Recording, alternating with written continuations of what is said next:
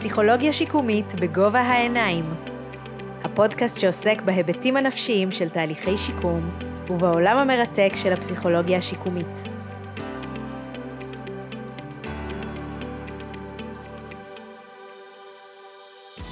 ברוכות וברוכים הבאים לפרק השביעי של הפודקאסט פסיכולוגיה שיקומית בגובה העיניים. אני נעמה קיביליס מאירי, פסיכולוגית שיקומית ונוירופסיכולוגית, והיום אני שמחה אה, לארח באולפן הביתי שלי את החברה והקולגה טל שני אור. היי טל. היי נעמה, איזה כיף להיות פה. ממש, החיוך שלך בכלל אה, מאיר את החדר ואת התוכנית. גם שלך. דוקטור טל שני אור, פסיכולוגית שיקומית מומחית ונוירופסיכולוגית, עובדת במכון הלאומי לשיקום נוירופסיכולוגי, שם היא מרכזת את יחידת הטיפול בגיל השלישי, ובנוסף היא מרצה במחלקה לפסיכולוגיה באוניברסיטה העברית, ובעלת קליניקה פרטית בתל אביב. טל, איזה כיף שאת פה. היום אה, את ואני נדבר על נושא שמעסיק אותנו. בגדול, זה נושא שמעסיק כל אחד ואחת מאיתנו. מה יקרה לנו כשנזדקן? מה יקרה לגוף? מה יקרה למוח? לחשיבה? לתובנה?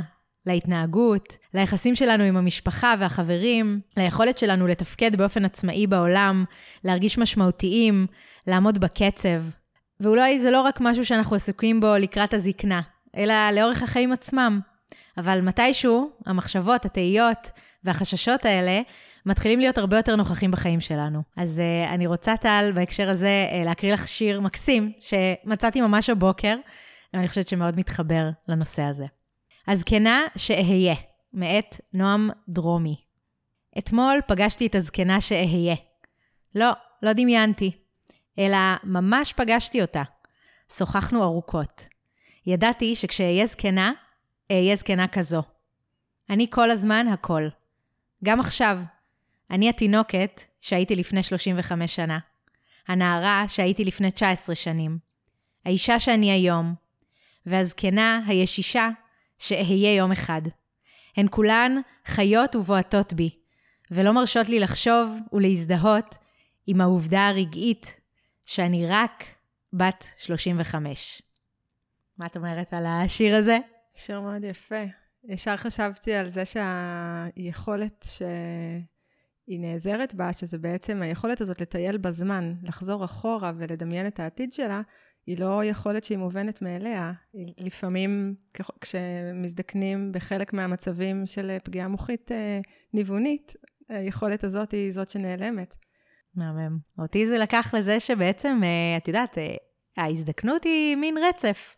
זאת אומרת, זה לא שבאמת כשאני אהיה זקנה, אני אהיה מאוד שונה מהותית ממה שאני עכשיו, או ממה שבאמת הייתי כשהייתי צעירה, שאנחנו על מין רצף בחיים. היא חלק מהחיים, ויש דרכים שונות להסתכל עליה. אנחנו יודעים שמצד אחד יש את תנועת האנטי-אייג'ינג, מוכרים לנו קרמים mm-hmm. נגד הזדקנות, ואפשר לאכול אוכל שהוא נגד הזדקנות, ולנסות להיות אנטי למשהו שהוא טבעי, ומצד השני, מצד שני יש uh, uh, תנועות שדווקא מדברות על מה שנקרא חוכמת ההזדקנות. Uh. לגמרי. נס... אנחנו גם בטח נצלול לזה תכף בפרק, נכון. כשנדבר בכלל על...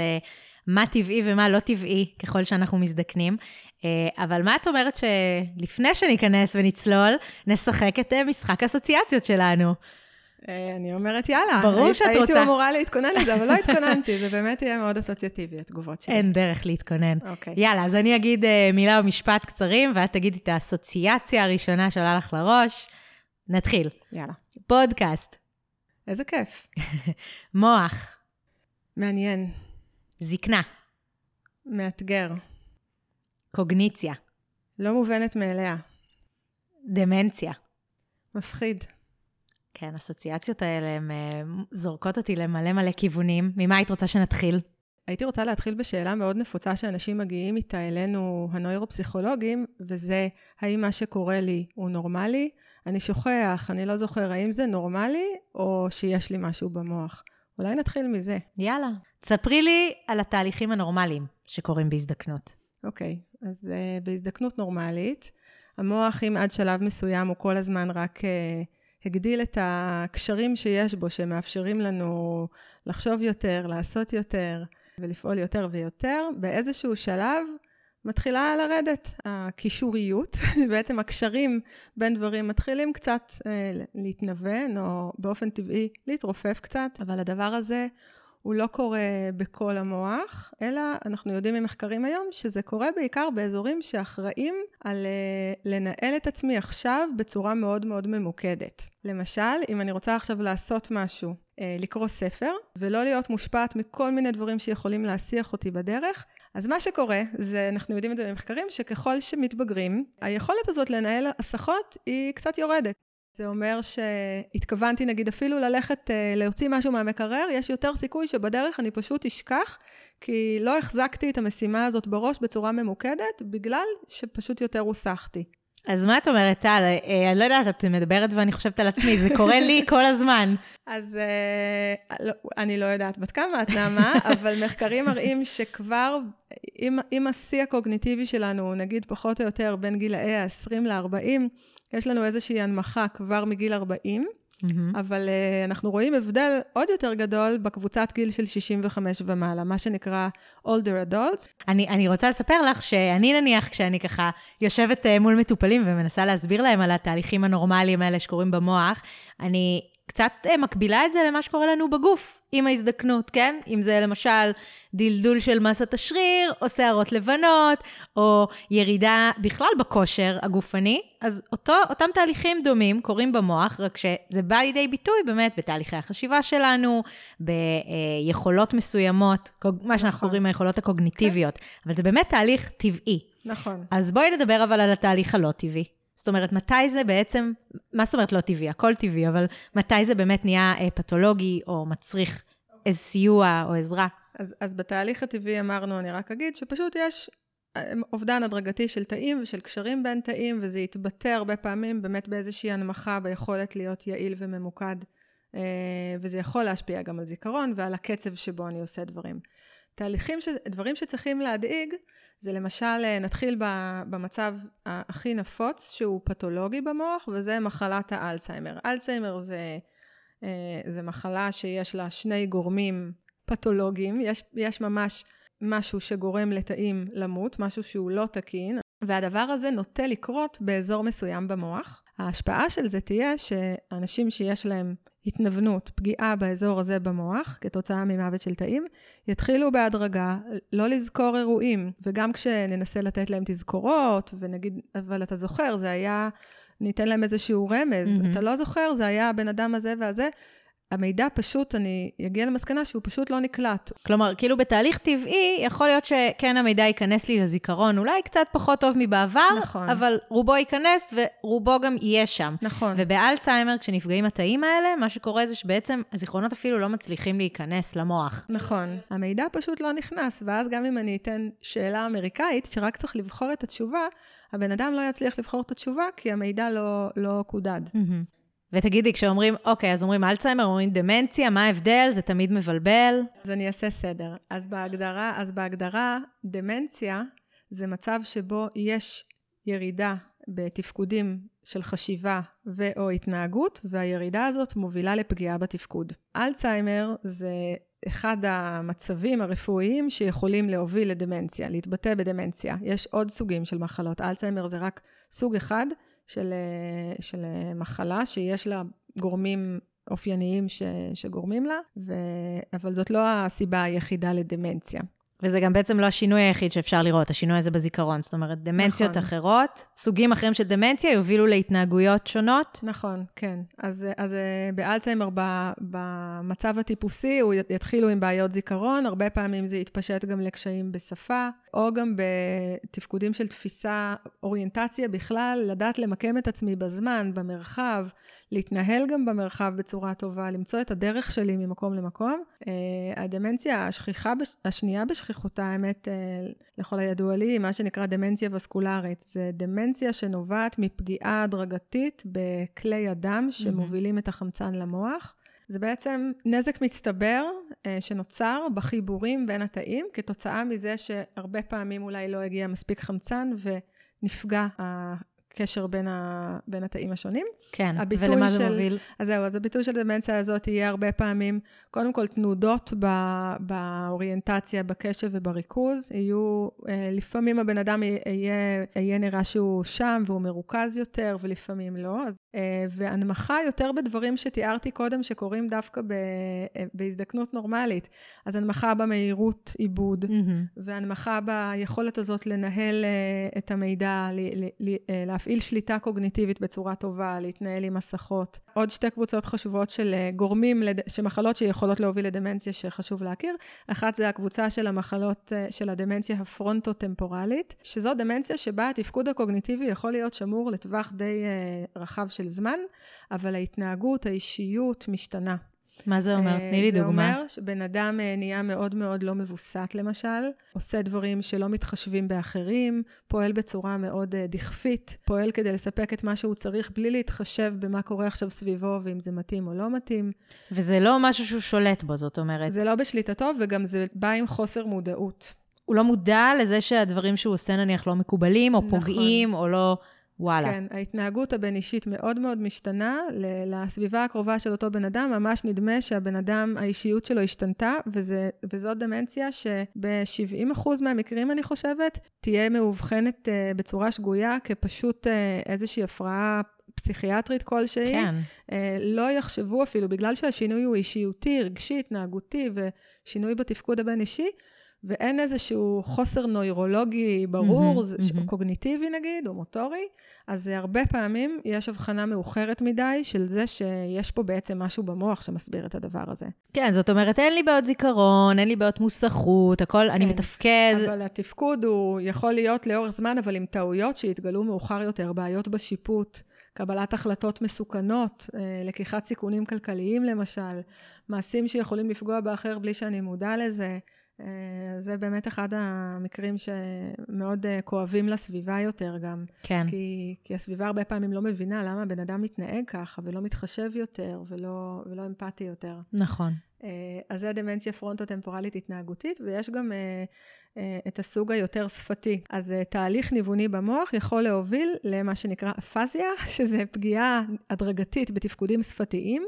בואי נבדיל, כאילו זה, זה דברים שהם הרבה יותר חמורים מזה שאני סתם לא מצליחה לשלוף איזה מילה, שזה משהו מאוד נפוץ, או שלפעמים אני לא עוקבת אחרי שיחות כי הן מתנהלות מהר מדי. זאת אומרת, פה יש הפ, הפרעה שהיא הרבה יותר uh, רחבה. היא יכולה בהדרגה לפגוע בתפקוד. כן, זה mm-hmm. יכול להתחיל בסימנים קלים, כמו קושי לשלוף מילה כזו או אחרת, אבל אם זה תהליך ניווני, שאין היום... אז זה יחמיר, אליו, זה נכון. יחמיר, זה יכול להגיע למצב שהבן אדם באמת מסתובב בעולם ולא מבין יותר את, המושג, את הדברים שסביבו, כבר נאבד לו הידע ה, ה, על העולם של המושגים שמסבירים מה, מה שקורה.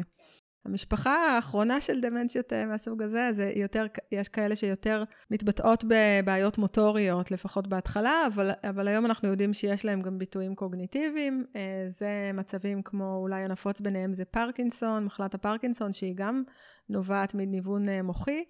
אז אולי נעבור עכשיו באמת לסימני האזהרה. מתי פונים לאבחון, למישהו שיסתכל? מתי זה חורג מהנורמה? אוקיי, okay, אז, אז קודם כל אפשר לבחור, אז לא הייתי נותנת לבן אדם להחליט אם זה נורמה או לא נורמה. אם יש שינוי, כדאי לפנות לאבחון, גם אם אנחנו חושבים שזה במשהו שאמרתי שהוא יותר uh, נורמטיבי.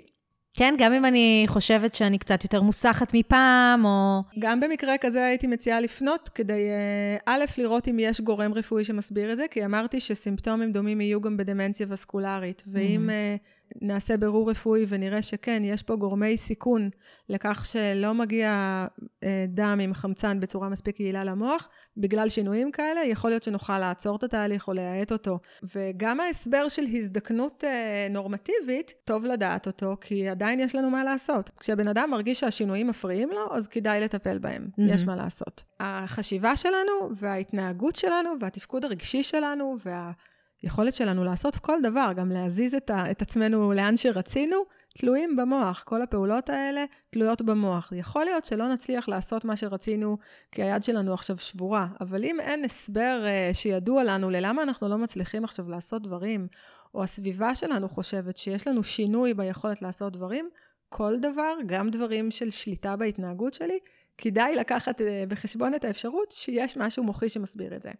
בסדר? זה לא תמיד ההסבר, אבל uh, כיוון שכל פעולה שאנחנו עושים מתווכת על ידי המוח, אז, אז כל אחד מהדברים שציינתי קודם, כדאי לברר. Mm-hmm. ש, שבאמת הקבוצה שהכי מוזנחת בהגעה בזמן לאבחון, זה הקבוצה שבה ההשפעה של התהליך המוחי היא לא על תפקודי חשיבה או תנועה, אלא על, ה, אלא על התפקוד הבין-אישי, על האישיות, על התפקוד הרגשי-התנהגותי. כלומר, אם יש איזשהו שינוי התנהגותי, שגם האדם לא מודע אליו וגם הוא אה, קרה או קורה באיזשהו אופן תהליכי. זאת אומרת, זה לא נכון, משהו חד פעמי. נכון. זה לא שפעם אחת הייתי עצבני ולקחתי את החפצים שלי ויצאתי מהבית. כן, זה... וזה גם לא מוסבר על ידי משהו ברור וזה גם לא עובר. נגיד, אם בן אדם יצא לפנסיה והוא נכנס מזה לתקופה קשה והוא פחות עם סבלנות כלפי הסביבה, ואנחנו יכולים להסביר את זה על פי מה שקרה לו, וזה גורם לשינוי בהתנהגות שלו כי הוא עובר עכשיו תקופה קשה, אז לא בטוח שיש לו משהו במוח. יכול להיות שהוא פשוט מתמודד עכשיו עם תהליך של הסתגלות, ו- mm-hmm. ובכל מקרה כדאי לו אולי לפנות לעזרה של פסיכולוג ולהתמודד עם הדבר הזה, יש מה לעשות. כן. טל, מה המשמעות של טיפול שיקומי בגיל הזה? או בהינתן שאת אה, מגדירה שיש איזושהי מחלה או איזשהו מצב רפואי שהוא רק הולך ומידרדר, איזשהו ניוון. יש בכלל משהו שאפשר לשנות, לשקם, לשפר? שאלה מאוד טובה, והרבה אנשים שואלים אה, כשהם פונים לטיפול, אני יכול לחזור למה שהייתי? אז, אה, אז התשובה היא, אה, אני לא מבטיחה לאף אחד שהוא יוכל לחזור להיות למה שהוא היה קודם, אבל אנחנו יכולים לדבר על המטרות פה כמטרות של הסתגלות למצב, למידה על המצב.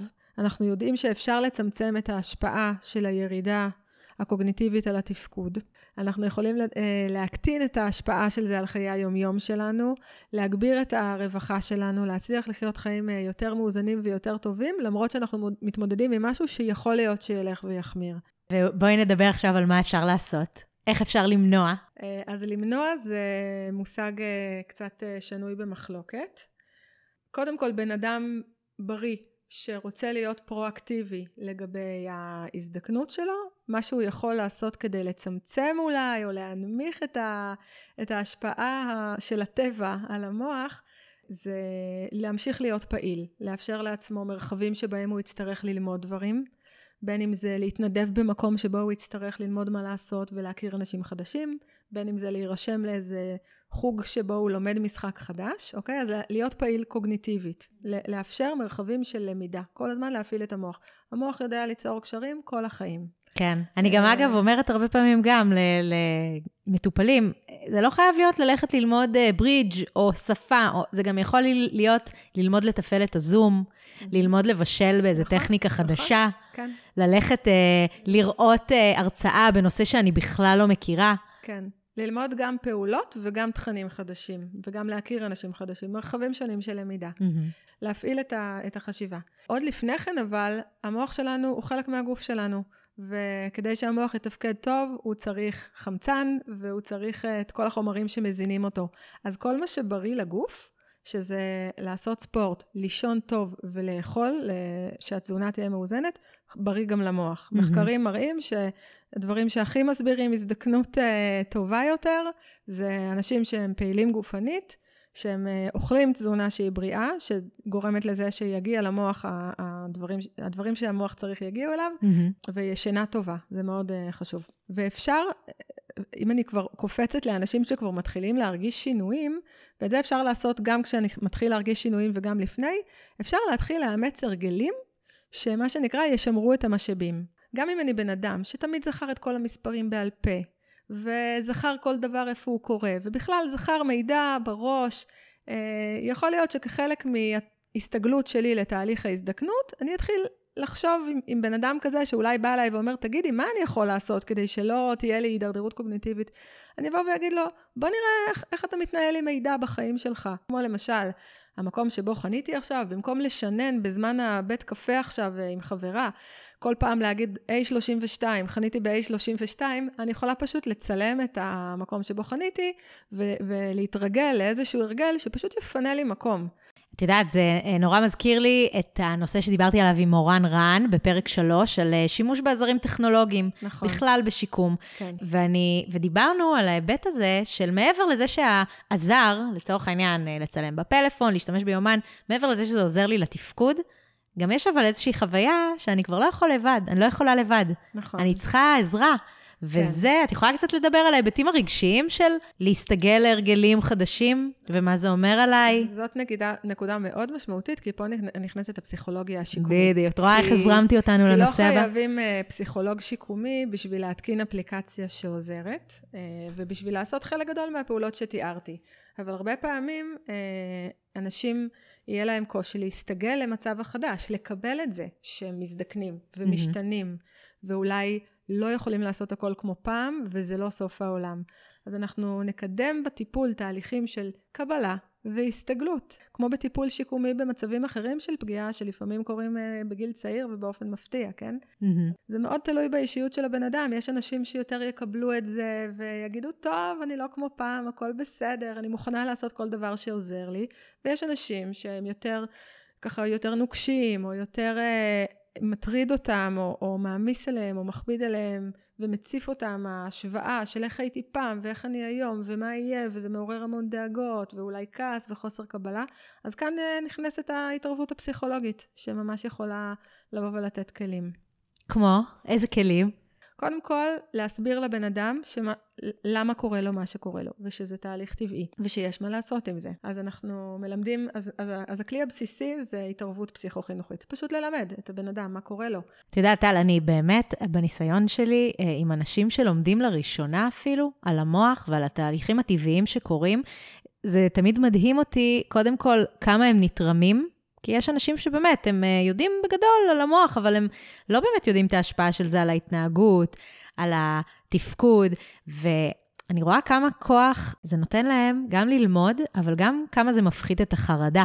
כן. ללמוד על משהו ולהבין מה קורה לי עכשיו במוח, כן. ואיך זה קשור להתנהגות שלי, יש בזה משהו מרגיע. נכון. אני לפחות יודעת את הסיבה והתוצאה, זה לא סתם דברים קורים לי. כן. אה, ואני חושבת שזה שלב נורא נורא חשוב. יש הרבה נכון. אנשים שאומרים לעצמם, אוקיי, אני לא רוצה לדעת, לא רוצה לשמוע, לא רוצה כן. לבדוק.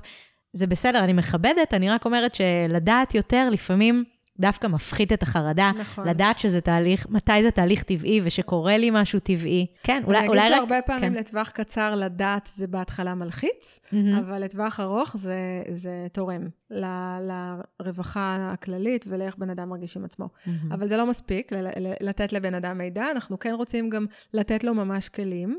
ו, ולפעמים אה, אין כל כך את הרצון של בן אדם לקחת את הכלים האלה, אז לפעמים המהות של הטיפול תהיה לעודד את הבן אדם לקבל את הפגמים, אם הוא קורא לזה פגמים, לקבל את זה שדברים משתנים, לקבל את זה שאני לא תמיד אהיה 100% מה שתמיד הייתי. דברים משתנים, ואני יכול להסכים לקבל את זה כי זה מה שקורה עכשיו. אז אנחנו נעודד תהליכי קבלה.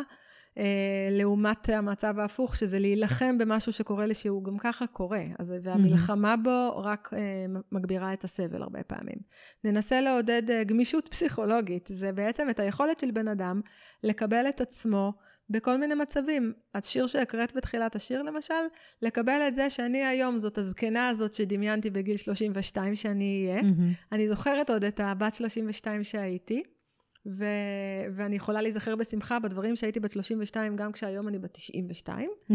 אה, ולקבל את זה שהיום אני בת 92, ומה שהגמישות הפסיכולוגית תאפשר לי זה אולי לשאול את עצמי, מה בא לי לעשות בגיל 92 שלא הרשיתי לעצמי בגיל 32, כשהייתי עסוקה בכל מיני משימות uh, חיים של גיל 32. לגמרי, ואולי גם חשוב לזכור שבאמת היכולת הזאת לגמישות היא קורית כל החיים. זאת אומרת, גם, כן, גם בגיל זקנה מופלגת, אנחנו כל הזמן, מעבר לגמישות המוחית, שזה משהו אנטומי, הגמישות הפסיכולוגית, היכולת שלי לא להיות uh, נוקשה מול הסיטואציה ולקבל באמת מצבים שונים, היא, היא יכולת שנשארת, וגם אפשר לעבוד אפשר ולפתח אותה. אותה. במיוחד uh, יש את גישת התרפיית קבלה ומחויבות, שזה, ה, שזה, ה, שזה המהות שלה. Uh, התערבויות שמגבירות גמישות פסיכולוגית, וקבלה לעומת הימנעות ומאבק בדברים שהם פשוט חלק מלהיות בן אדם. Mm-hmm. חלק ממה ש, שעושים כחלק מהגישה הטיפולית הזאת, שאנחנו מאוד מערבים אותה בעבודה עם הגיל השלישי, זה לחשוב רגע, מה הדברים שמשמעותיים לי, ובאיזה אופן הם יכולים לבוא לידי ביטוי גם עכשיו שיצאתי לפנסיה, לדוגמה, אוקיי? פה אני מדברת uh, יותר על uh, healthy aging, על, על הזדקנות נורמטיבית, אחרי זה נדבר גם על... Uh... אולי, אולי מה הדברים שמשמעותיים לי, לצד זה שנניח גם יש לי קשיי זיכרון, ואני לא יכולה לשבת ולא יודעת, לזכור מה, מה שמעתי בהרצאה, מה הדברים האחרים שמשמעותיים לי בהקשר ממה הזה? אני נהנית, נכון. כן. וחלק ממה שהפסיכולוג אה, השיקומי יעשה במצב כזה, זה יעזור למשפחה או לבן אדם עצמו, למצוא מרחבים ביומיום שישפרו את הרווחה שלו, את ה-well-being שלו, פעולות שעושות לו טוב. אם הוא מאוד משמעותי לו ללמוד היסטוריה, אבל הוא נכנס להרצאות היסטוריה ולא זוכר כלום, וזה מרחב שבסוף רק גורם לו לסבל, אני יכולה מצד אחד ללמד אותו כל מיני אסטרטגיות ונבדוק איך בכל זאת הוא יכול להמשיך ללמוד היסטוריה, ומצד שני אני יכולה להגיד, למה בעצם אהבת ללמוד היסטוריה? אולי דרך שאלות כאלה, מה, מה אתה אהבת בלמידה ואיזה עוד דברים אתה אוהב ללמוד? אולי דרך שאלות כאלה אנחנו פתאום נמצא דבר אחר שהוא יכול לעשות. הג- הגמישות הזאת הפסיכולוגית זה לא רק דיבור, אנחנו נחשוב איזה פעולות ביומיום אנחנו יכולים לעזור לבן אדם לזהות שייתנו מענה לצרכים שלו, למרות השינוי ביכולות. כן. אני רוצה לספר אולי על איזשהו נדבך אה, מאוד משמעותי שאנחנו עובדות איתו עכשיו בקבו- ב- בתוכנית שאנחנו מעבירות במכון, כן. שזה בעצם העבודה הקבוצתית. זאת אומרת, לשבת בקבוצה של אנשים בטווח הגילאים שלי, 65 פלוס, ולשמוע מהם עם מה הם אה, מתמודדים, ולשמוע שאני ממש לא היחידה כן. שחווה אה, קשיים ב- בתחומים מסוימים. נכון. כמה עוצמה יש ל- לדבר הזה, לראות שאני לא לבד. ואם אני ככה עוברת מהאדם עצמו, אני רוצה גם שנדבר על ההתמודדות הרגשית של בני המשפחה. בראש ובראשונה אולי אה, של בני הזוג, ואחר כך גם נגיע לילדים.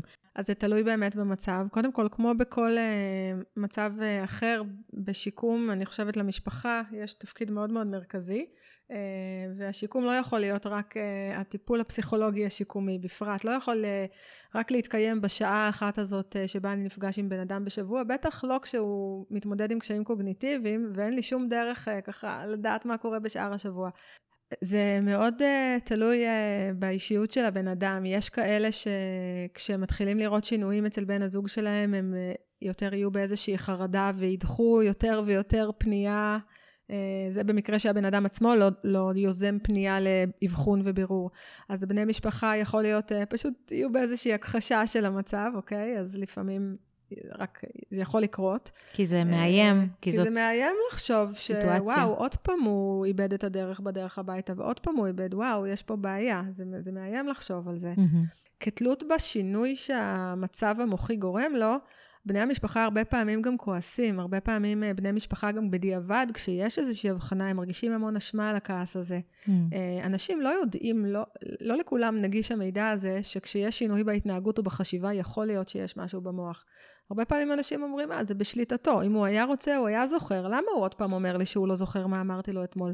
אז הרבה פעמים תהיה גם תגובה של כעס.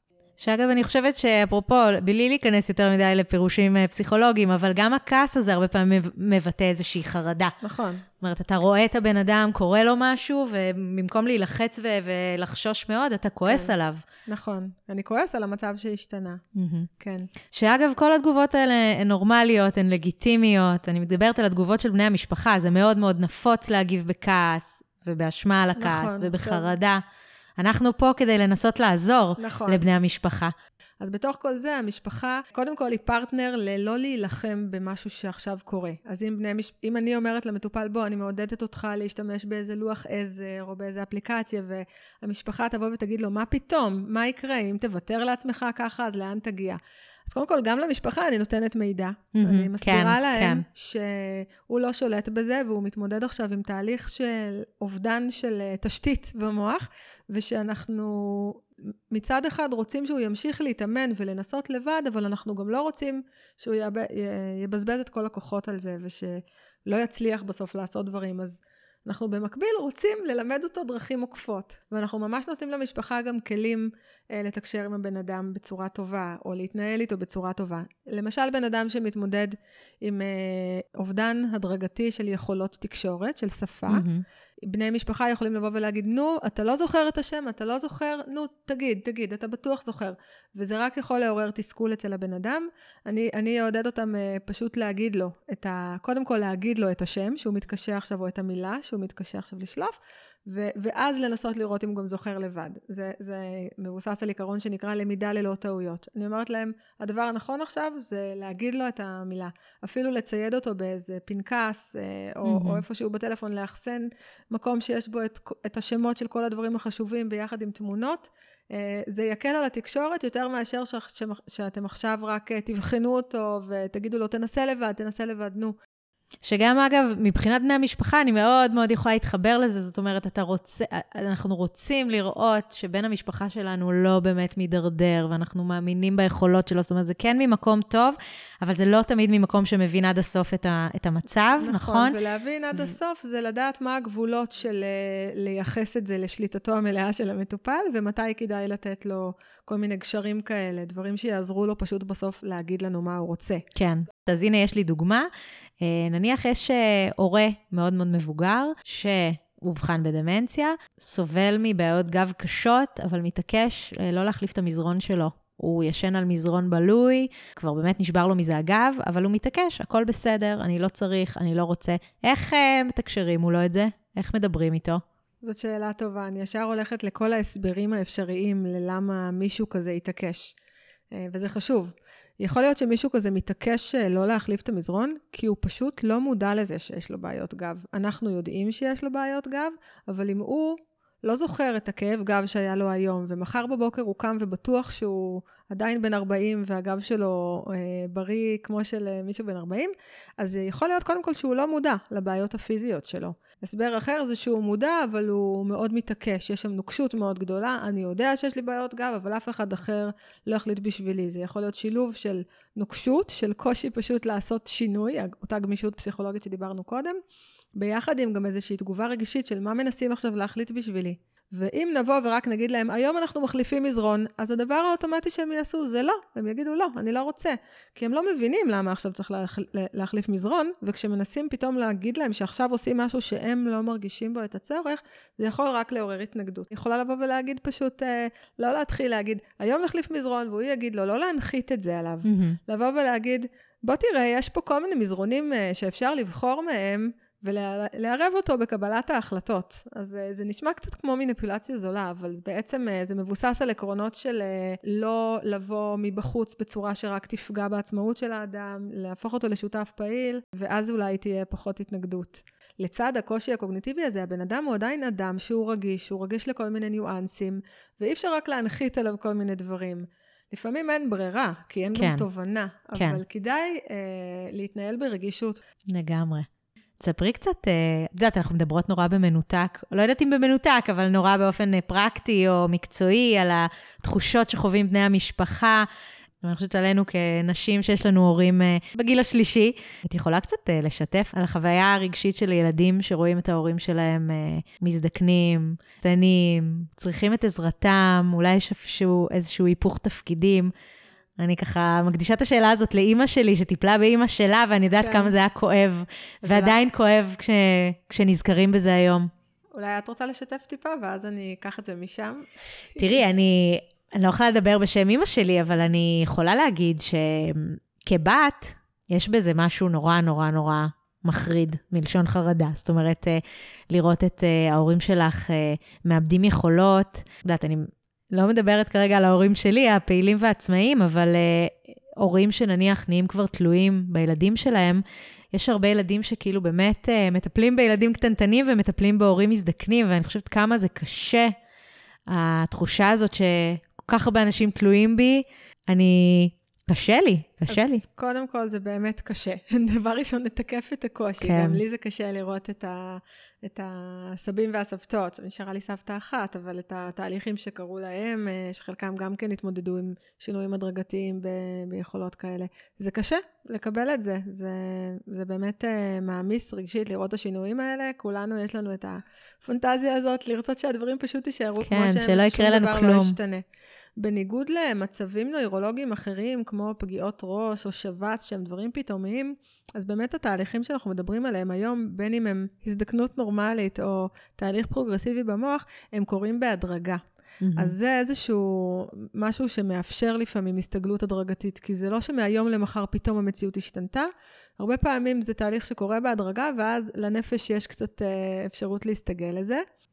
אני גם, אה, אני, אני חושבת שאולי מה שכל כך אה, מכביד בתהליך הזה, זה גם שזאת תחילתה של פרידה, או בעצם שזה תהליכי פרידה מתמשכים. כן, זה פרידה, ואם אנחנו גם נתאמן בגמישות פסיכולוגית, ונדע גם אה, לאפשר לעצמנו את הגמישות, לקחת על עצמנו עכשיו תפקידים של אה, מטפל ותומך, שאולי פעם אותה דמות במשפחה עשתה עבורנו, אז, אז נוכל להתמודד עם זה בצורה יותר טובה. כי גם אנחנו צריכים בעצם לעבור תהליכים של קבלה והסתגלות וגמישות. אבל אולי באמת מה שאת אומרת, ואני ככה לוקחת מהפרק הזה, זה שלהתמודד עם אה, בן או בת משפחה שעוברים אה, איזשהם שינויים קוגניטיביים, מצריך ליווי לא רק של בן המשפחה, זאת אומרת, לא רק של האדם עצמו, אלא גם של כל המשפחה שלו. לגמרי. גמישות והסתגלות גם של אה, בני הזוג, ילדים, קרובים. וזו עבודה באמת, אה, כמו שאנחנו יודעים בפסיכולוגיה השיקומית, זה אף פעם לא רק האדם עצמו בחדר במשך שעה, זה כל הסביבה שלו. נכון. תגידי, יש עוד איזה נושא שהיית רוצה שנדבר עליו, אה, כאילו, לקראת סיום? קודם כל, אה, הנושא של מענים שיש היום, אני אגיד שתוחלת החיים הולכת ועולה, וכמות האנשים שמתמודדים עם אה, הזדקנות נורמטיבית של המוח ועם תהליכים שגורמים לדמנציה, הולכת ועולה. וזה אתגר ש... שמזהים אותו היום בעולם, ואנחנו, ואני רק רוצה להגיד שכחברה אנחנו צריכים לתת מענה לאנשים האלה. אה, ככל שהם יקבלו מענה, אה, הם יכולים לשמר תפקוד עצמאי אולי לטווח יותר ארוך, לחוות הידרדרות בשלב רק יותר מאוחר, ואגב, זה כולנו, זאת אומרת, זה אני ואת, כולנו נעבור את התהליך הזה בסופו של דבר. נכון, ואני חושבת שאתגר של הדור שלנו זה, זה לבסס יותר טוב את המענה שהקהילה, או כל מיני גורמים שאחראים לבריאות שלנו, צריכים לתת. הנושא של טיפול טוב בגיל השלישי, אני חושבת ש, שצריכות להיות כמה שיותר אה, קבוצות, אה, ו, וצריך להיות כמה שיותר מידע לאנשים בגיל הזה. בן אדם יוצא לפנסיה או מגיע לגיל מסוים, שיקבל את המידע, מה יכול לעזור לך לשמר את התפקוד. אה, מה, מה אתה יכול לעשות כדי למנוע הידרדרות, או במידה ותרגיש שינוי, למי אתה צריך לפנות, מה אפשר לעשות. חד משמעית. נראה לי שהפרק הזה לפחות נתן איזשהו זרקור על מה הפסיכולוגיה השיקומית יכולה לתת. כן, הפסיכולוגיה השיקומית בהחלט יכולה אה, לתת אה, מענה למישהו שכבר מתחיל, מתחיל להרגיש באיזשהו שינוי. יש מה לעשות, יש איך להתמודד ו, ולמתן את ההשפעה על התפקוד, להסתגל לזה מבחינה רגשית. כן, ויש מקצועות אה, פארה-רפואיים נוספים, מקצוע, מקצועות בריאות נוספים שיכולים לתת מענה, חשוב לציין. נכון, לא דיברנו עליהם היום, עוד נדבר עליהם, אבל נדבר. לדעתי בהמשך הפודקאסט. אוקיי. טוב, טל, איזה פרק מעניין. אני חייבת לציין למאזינים ולמאזינות שלנו, שאת אחת מנשות המקצוע המבריקות בתחום, עם מאגר ידע עצום שלא נגענו אפילו בחלק קטן ממנו. היה לי לעונג לראיין אותך ולארח אותך, ואני רוצה לשאול אותך אם, אה, מה את יוצאת מהפרק הזה? היה לי מאוד כיף לדבר איתך על דברים שאנחנו גם לשמחתי עושות ביום-יום. אה, זה חיזק לי את, ה, את החשיבות של הטיפול הנוירופסיכולוגי השיקומי בגיל הזה, שזה לא דבר מובן מאליו, זה רק אה, חיזק אצלי שוב את הדברים שאני מרגישה, שיש מה לעשות בגיל הזה, זה לא מצב של יאללה, כאילו, עזבו, גם ככה הוא זקן. להפך, זאת אוכלוסייה שכל כך אה, מגיע לה אה, וזכותה לקבל מענה שיכול לתרום לתפקוד שלה ולרווחה הנפשית והכללית שלה. ממש בא לי שכל מי ששמעה או שמע את הפרק הזה ויש לו הורים או קרובים אה, מבוגרים, שיעביר להם לשמוע את הפרק. אז המון המון תודה, טל. מעולה, תודה לך, שמחתי להתארח.